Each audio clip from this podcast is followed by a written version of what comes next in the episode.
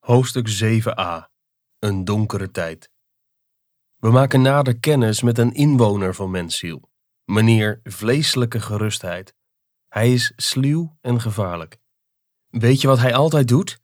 De kat uit de boom kijken en zich dan aansluiten bij de sterkste partij. Dat is ook de enige reden waarom hij voor Immanuel koos.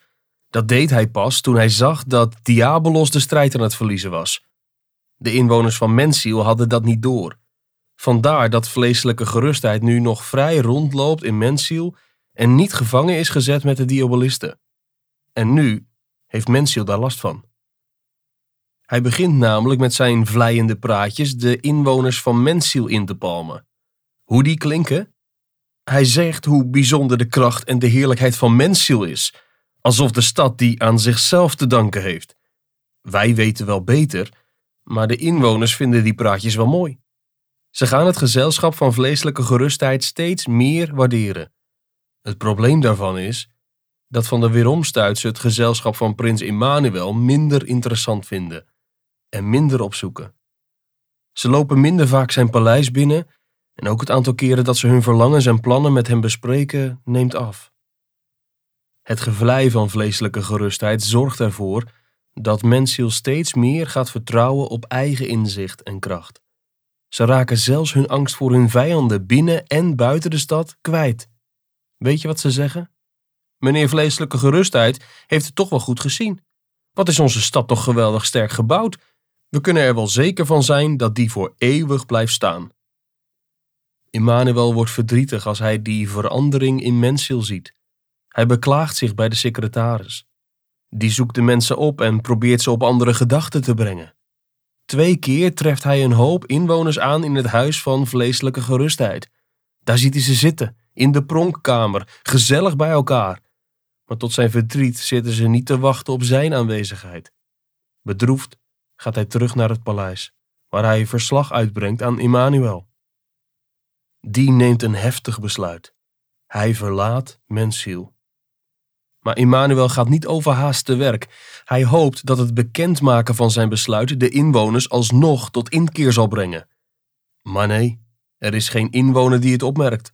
Als hij tenslotte de poort van Mensiel uittrekt, is er geen inwoner te vinden die hem probeert te stoppen. Integendeel, terwijl Immanuel verdrietig terugkeert naar het paleis van zijn vader, viert Mensiel feest in het huis van vleeselijke gerustheid. Het vertrek van hun prins is compleet aan hen voorbijgegaan. De inwoners van Mensiel schrikken pas wanneer vleeselijke gerustheid ook meneer Godsvrees uitnodigt voor een van zijn vele feestjes. Denk nu niet dat dit uit sympathie voor godsvrees voorkomt. Wel nee, hij nodigt hem juist uit om hem voor schut te zetten, om de draak met meneer Godsvrees te steken, tot vermaak van de andere gasten. Maar het pakt anders uit. Als vleeselijke gerustheid meneer Godsvrees spottend uit de tent lokt met de vraag waarom hij zo weinig vrolijk is, grijpt godsvrees een kans. Hij schudt zijn medeburgers wakker. O inwoners van Mensiel, is het jullie niet opgevallen dat Immanuel uit onze stad is vertrokken? Vertel eens, wie van jullie heeft hem de afgelopen dagen nog gezien? Hij geeft zelf het antwoord op die vraag. Niemand. Dat kan ook niet, want hij is teruggegaan naar zijn vader. En dat is allemaal de schuld van jullie gastheer, vleeselijke gerustheid. Door hem raakt Mensiel zijn kracht kwijt. Hebben jullie dan niet gemerkt dat de kapiteins zwak en ziek zijn geworden? De woorden missen hun uitwerking niet. Meneer Geweten en vele anderen schrikken wakker. Opeens hebben ze door hoe geniepig het werk van vleeselijke gerustheid is, dat hij eigenlijk een diabolist is. Ze zijn zo geschrokken dat ze gelijk voorstellen om hem met huis en al te verbranden. En zo gebeurt het ook. Snel rennen ze naar het paleis van prins Immanuel om de secretaris op te zoeken maar die is bedroefd en wil hen niet ontvangen. Wat moeten ze nu? Godsvrees raadt de inwoners aan om een verzoekschrift te schrijven aan Immanuel.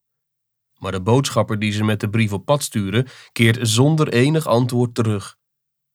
Godsvrees spoort hen aan om zulke smeekbedes te blijven sturen. Een andere mogelijkheid is er niet.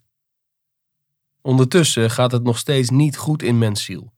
Er breekt een verschrikkelijke ziekte uit en de toestand verslechtert iedere dag. Inwoners en kapiteins worden zwakker en zwakker.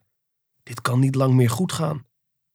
De diabolisten zien het ook gebeuren en ze grijpen hun kans. Overmoedig komen ze uit hun schuilplaatsen en proberen voordeel te halen uit de situatie. Dit is hun moment. Ze smeden een complot om Mensiel weer terug te brengen onder de heerschappij van Diabolos. Ze willen infiltreren in de gezinnen om van binnenuit de tegenstand tegen Diabolos te ondermijnen. Voor dat plan hebben ze iets bedacht. Ze zullen zich vermommen als buitenlandse gastarbeiders. Ze zullen op de markt gaan staan en zich proberen te verhuren aan de inwoners van Mensiel.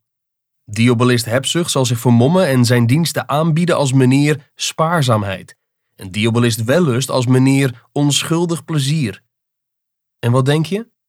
De inwoners van Mensiel tuinen er met open ogen in. Zonder enige achterdocht nemen ze de gastarbeiders in dienst. En eenmaal opgenomen in de gezinnen weten de diabolisten wel wat ze te doen staat. Ze stichten een hoop onheil. Ze zaaien tweedracht en verwoesten zo de gezinnen. Van binnenuit weten de diabolisten de stad op die manier nog weer verder te verzwakken. Maar dat is niet het enige. Ze sturen ook nog een brief aan Diabolos. Ze vragen of hij een leger wil klaarmaken om daarmee de stad van buitenaf aan te vallen. Daarbij hebben ze een opvallend advies. Hij moet vooral soldaten ronselen onder het volk van de twijfelaars. Hoe zondiger en vuiler mensziel is, hoe groter de afkeer van Immanuel voor mensziel zal zijn. De toestand van mensziel wordt er dus niet beter op. Enkele boetepreken op de markt hebben de inwoners wel gevoelig gemaakt, maar de diabolisten zitten al diep genesteld in hun midden.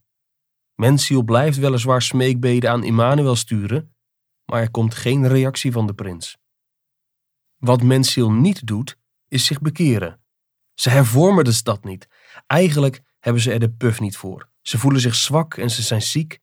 Ze kunnen de energie niet meer opbrengen om de strijd met de diabolisten aan te binden.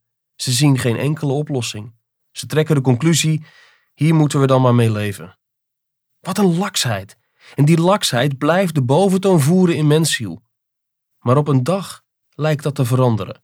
Dat is de dag dat meneer nauwkeurige onderzoeker een vergadering van de diabolisten kan afluisteren.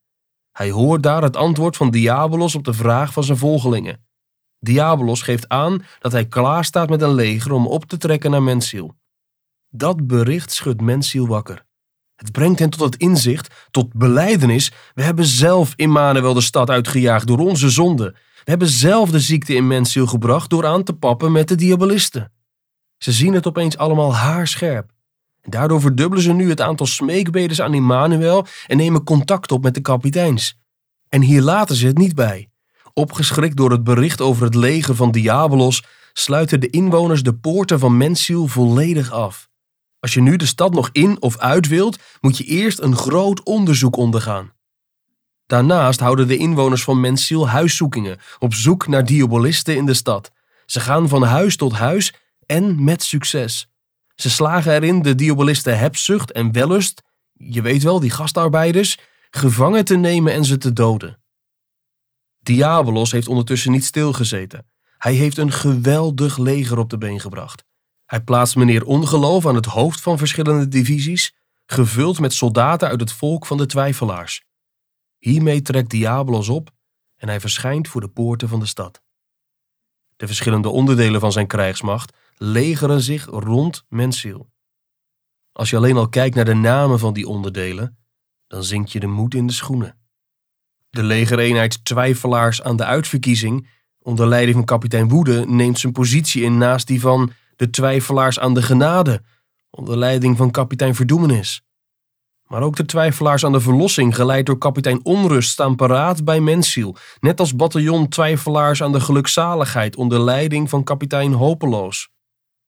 De poorten van Mensiel zijn op tijd gesloten, maar dat neemt niet weg dat de aanblik van dat grote leger de inwoners van Mensiel enorm bang maakt. In hun angst gaan ze nog een keer naar de secretaris. Ze smeken hem of hij hen niet langer wil negeren, hoe verdiend ook, maar hun raad wil geven. Maar helaas, het antwoord is afwijzend. Nee, jullie hebben Immanuel en mij zo bedroefd dat jullie het nu zelf maar moeten uitzoeken. Zodra Diabolos het zijn tot de aanval geeft, stort het hele leger van twijfelaars zich vol woede op de oorpoort. Mensiel kan de eerste aanval nog afslaan, maar er raken heel veel inwoners gewond. Dat is extra pijnlijk, omdat er nu geen heelmeester meer in de stad is. Immanuel is er namelijk niet meer. En toch weet Mensiel stand te houden. De aanvallen van het leger van Diabolos slaan ze af. Dit verandert op het moment dat Diabolos zijn pijlen richt op de gevoelpoort. Zijn twijfelaars doen een aanval en de inwoners weten geen stand te houden. De poort wordt na een lange, heftige strijd door Diabolos leger opengebroken. Met luid gejuich zwermen de twijfelaars onder leiding van kapitein Ongeloof de stad binnen. Gelukkig weten de bevelhebbers van Mensiel zich nog net op tijd met de soldaten van Immanuel terug te trekken in de vesting van de stad. Maar voor Mensiel zelf is het te laat. Opnieuw komen ze onder het verschrikkelijke bewind van Diabolos. Hij laat zijn soldaten inwonen bij de inwoners van Mensiel en die arme burgers moeten het ontgelden. Ze plunderen de stad, steken die op verschillende plaatsen zelfs in brand. Zwangere vrouwen snijden ze open en ze verkrachten jonge meisjes. Mensziel is veranderd in een afschuwelijke plaats vol draken, een beeld van de hel waar complete duisternis en chaos heerst. Arme mensziel. Hier krijgen ze nu de rekening gepresenteerd voor het luisteren naar vleeselijke gerustheid. Kijk eens rond.